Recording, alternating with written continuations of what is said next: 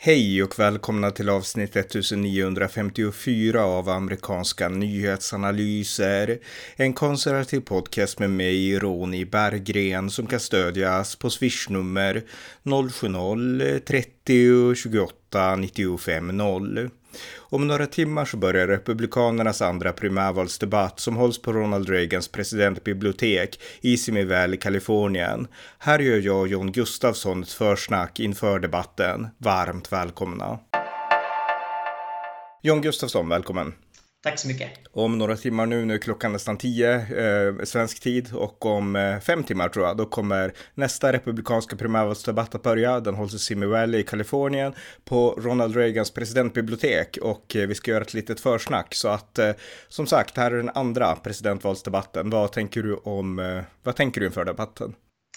Eh, det jag tänker till att börja med, och det här minns jag att jag sa i eftersnacket till den första debatten, att det var för många kandidater på scenen. Och eh, jag tycker fortfarande att det är för många personer på scenen.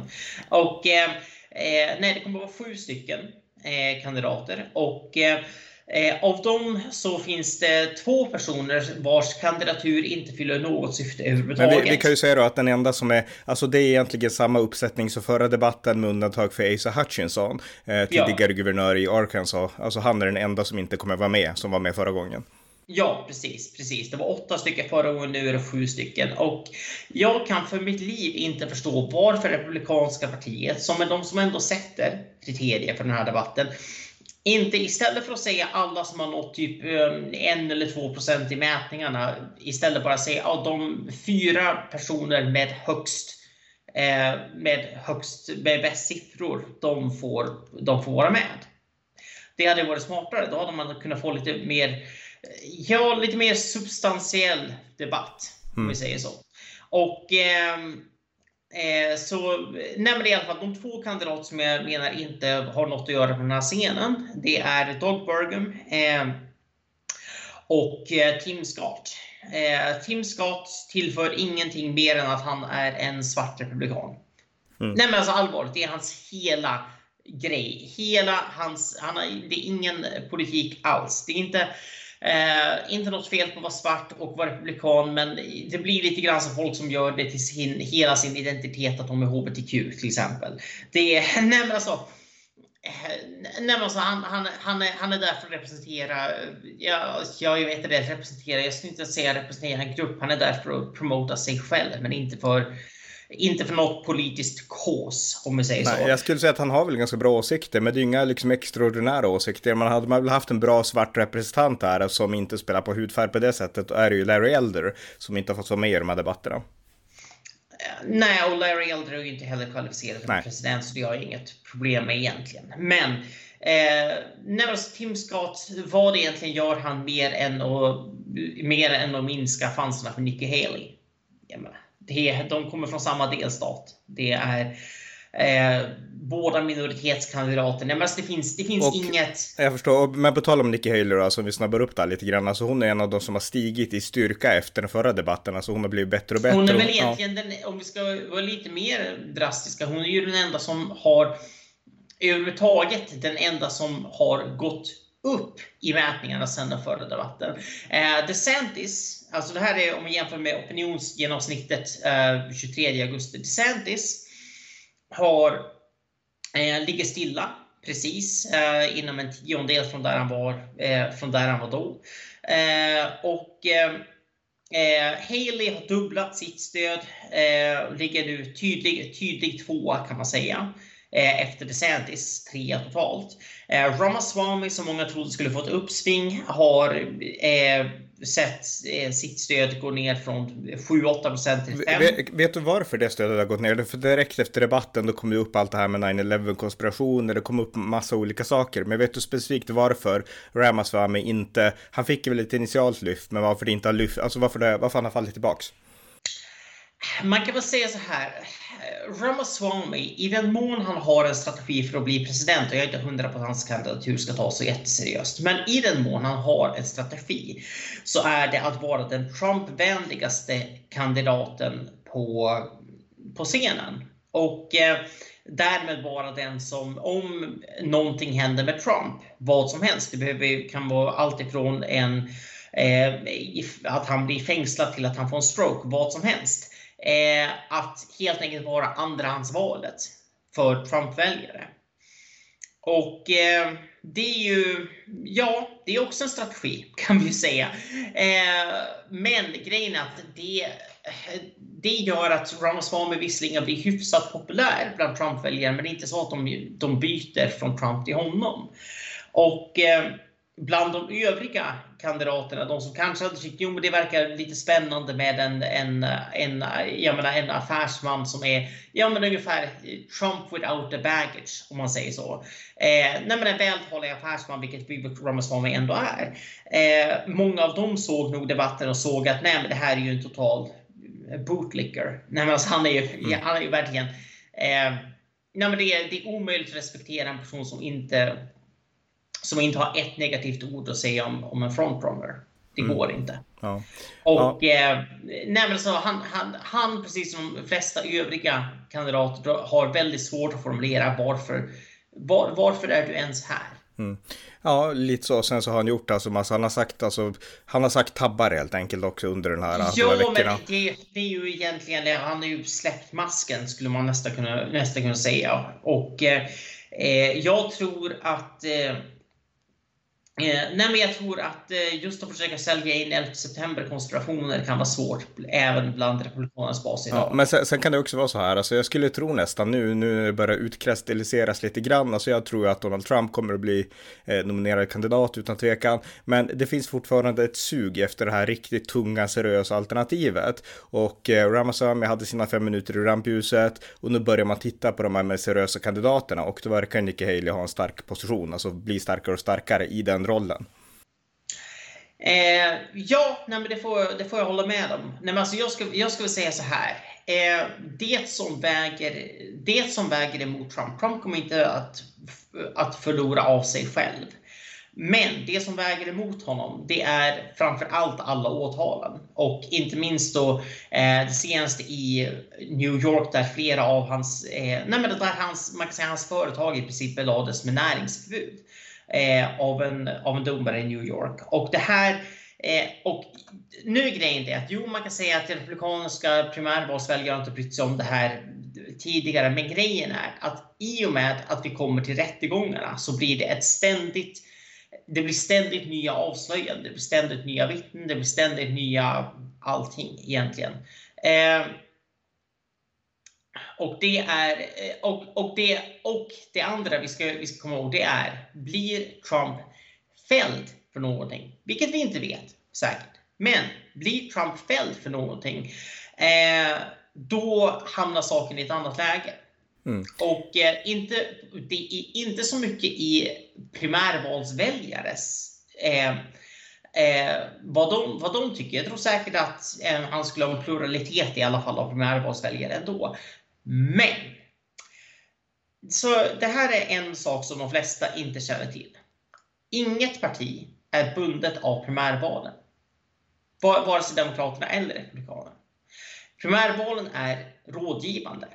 De är ja, men ungefär som vi har folkomröstningar i Sverige, men eh, riksdagen kan ignorera dem om de vill.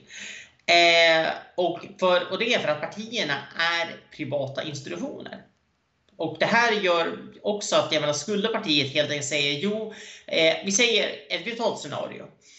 Eh, men från... vi, vi behöver inte göra långsökt där, utan vi har varit inne på det här förut. Alltså delegaterna kan i slutändan bestämma, men alltså jag skulle säga att det är extremt långsökt. Jag tror att delegaterna kommer besluta något som går mot folkviljan, i synnerhet när det gäller Trump. Alltså det kommer inte att ske, utan liksom, jag vet inte, alltså man det är, också lite, ja. det, är också lite, det är också lite frågan, för att om Trump är fälld mm. någonting som gör att han faktiskt inte kommer kunna kampanja för att han har till exempel Även om han inte är fängslad, bara det att han har fotboja som gör att han inte kan gå utanför sin egen delstat till exempel, bara en sån grej. Eh, då, hamnar, saken i ett, an, i ett, ja. i, då hamnar saken i ett, an, i, i ett annat läge. Ja, förstår, och, då också, och, då mm. också, och då också frågan, för att den stora anledningen till att Trump inte redan blev bortkuppad 2016, för det var det väldigt många som ville, inklusive de flesta av hans egna delegater. Men att han inte blev bortkuppad 2016 det berodde på att man var oroliga för att han skulle ställa upp som en, en oberoende kandidat, en tredje, tredje, tredje kandidat. Och eh, på så vis helt enkelt splittra det republikanska partiet och säkerställa att vare sig republikanerna eller Trump vann. Jo, men det var när partiet inte kände Trump och så nu gör de det och de älskar honom. Så att jag tycker att det här är... Men, här som vi pratar om... Det är det som är grejen. För att det republikanska etablissemanget nu vet att Trump i en andra mandatperiod går inte att kontrollera på något vis överhuvudtaget. Ja. Och eh, efter eh, och om Trump är fälld och faktiskt inte kan kandidat och faktiskt inte kan jag menar, ha en effektiv kampanj. Eh, så hamnar, nej men som sagt, saker och ting hamnar i ett annat läge. Vi kan, lä vi kan lämna lite, om vi nöjer oss med så här då, jag tror inte alls på det här, men om vi nöjer oss med att säga så här, det är det här som de andra kandidaterna får hoppas på. De får hoppas på att det blir ungefär som du föreskriver att det skulle kunna bli rent typ, hypotetiskt och det är vad de andra kandidaterna får hoppas på också. Men jag tänker så här också, alltså vilka frågor då tror du att de kommer att debattera mest på den här debatten? Vad kommer hamna fokus? Eh, jag, skulle, jag eh, hoppas ju på eh, dels att man försöker utkristallisera skillnaden mellan Trump och de här kandidaterna. Helt enkelt, nej men som sagt, varför ställer du upp? Varför du och inte Trump? Eh, kan man inte attackera Trump, då, ska man, då har man ingenting i det här racet att göra. Mm. Och så här långt finns det en eller två kandidater som har, som har gjort det. Jag hoppas att eh, de ska bli tydliga på utrikespolitiken, alltså så att det ska debatteras. Jag tänkte ju, ja. se, jag tänkte ju, se, tänkte mm. ju säga det för att eh, för här har vi svårt att utkräva, inte bara kring Ukraina men också Taiwan. Mm. Eh, nej, men alltså, nej, alltså det finns eh, Republikanernas jag menar, utrikespolitik som man, som man eh, som man pratar om, eh, som man pratar om det är egentligen det är bara populistiska slagord. Det, menar, det är bara America first, det är inte en politik, det är ett slagord. Eh, och här måste man, nej men här måste man utkristallisera och jag skulle vilja se att någon kandidat förklarade varför USAs globala dominans, som man ändå får säga att USA har, eh, faktiskt gynnar eh, jag menar, av vanliga amerikanska medborgare. Jag skrev en artikel i National Review eh, om det här förra månaden. Eh, så det, det, är väl lite det som jag eh, det är väl lite det som jag, som jag hoppas på framför allt. Mm. Ja, precis. Ja, jag håller med. Jag tror också att, eh, alltså det finns då, jag tror i alla fall att den här debatten görs i samarbete med någon eh, liksom spansktalande tv-kanal och eh, förmodligen så kommer de att komma in på Mexiko också, så politiken i förhållande till Mexiko, gränspolitiken och så, så det ska också bli alltså, intressant tänker jag. Eh, sen tänker jag också så här, alltså jag hoppas inte bara att de diskuterar utrikespolitik i förhållande till Donald Trump, utan också i förhållande till Joe Biden. Nu när jag hängt med i Bidens liksom olika uttalanden om utrikespolitik så kan man märka att han har en tendens att lägga näsan i blöt. Jag menar, vi gjorde en podd häromdagen, du och jag, om eh, Liz Truss, tidigare premiärminister i Storbritannien. Eh, Joe Biden hade lagt näsan i blöt på hennes politik då tyckte att det där var fruktansvärt. Hon tog notis om det. Och Joe Biden har också lagt näsan i blöt när det gäller Israel och sagt att den här juridiska reformen är fruktansvärd. Och eh, jag menar, han gör det hela tiden. Ungern, det är också fruktansvärt. Och han gör det utan att egentligen kunna så mycket, utan han gör det bara därför att det blinkar rött rött på hans liksom ideologiska radar. Han har inte satt sig in i detaljerna och sådana saker utan eh, det blinkar rött på hans ideologiska radar och på så vis så alienerar han ju klassiska allierade skulle jag säga till USA. Så att jag hoppas de tar upp det också. Eh, ja, och eh, jag skulle säga, jag vet inte så mycket att det blinkar rött med mer att han spelar, nej men han spelar för, eh, han, han, spelar politik med de här, med de här områdena. Han vet att bland Demokraternas bas så går det alltid, det går alltid hem att, eh, att attackera Ungern eller attackera Israel och så vidare. Eh, så nej men det finns eh, det är, ett sätt, det är ett sätt helt enkelt att vidga den, den progressiva basen i det demokratiska partiet som inte är jättenöjda med, med Bidens presidentskap får jag säga. Mm. Eh, sista punkten här då. Eh, tror att, eh, alltså jag tror så här att Donald Trump, det spelar ingen roll för, för honom om han är med eller inte. Han kommer att eh, fortsätta leda racet i alla fall. Men tror du ändå att det påverkar på något sätt positivt eller negativt för de andra kandidaterna att Trump inte är med? Eh, jag tror att det blir lägre tittarsiffror för att han inte är med. Och jag tror att det är därför som Trump inte är med, om vi säger så. Men, eh, men med det sagt, nej men alltså, vill kandidaterna få dit Trump, om de vill att han ska vara med i tredje debatten, då finns det en sak vi ska göra nu och det är att spendera två eh, timmar med att fullkomligt underminera Trumps ego. Inte bara hans politik och efter hans ego. Ifrågasätt huruvida han är rik, ifrågasätt hans äktenskap, ifrågasätt hans familj, ifrågasätt allting. Gå under skinnet på, på honom. Ta upp att han har, jag menar, som sagt det här som nyss hände i New York, att i princip hans företag hamnade under tvångsförvaltning. För det är en av de grejer Trump är jättestolt över hans företag. Alltså det det, det, är såna, det, är såna, det, det är som, vill du, vill, du, vill du trigga Trump så att han gör något idiotiskt som att dyka upp till nästa debatt? Ja, vi vet alla hur man får Trump att göra något idiotiskt. Liksom, Demokraterna listade ut det för, listade ut det för det, det, det, var rätt, det var rätt roligt det. Så jag tycker någon sån här desperat liten kandidat ska titta in rakt in i kameran och säga att Trump är fegis, du är inte här liksom. Och det beror på att du är feg, du är rädd, du gömmer dig liksom. Det vore rätt kul eh, faktiskt, kan jag tycka.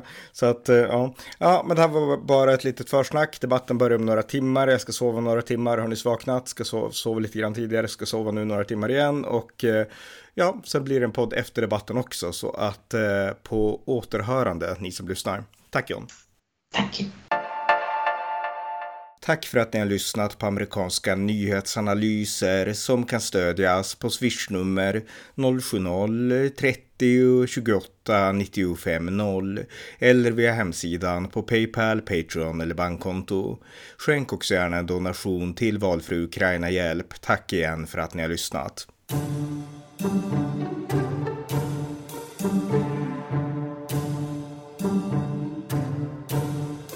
you.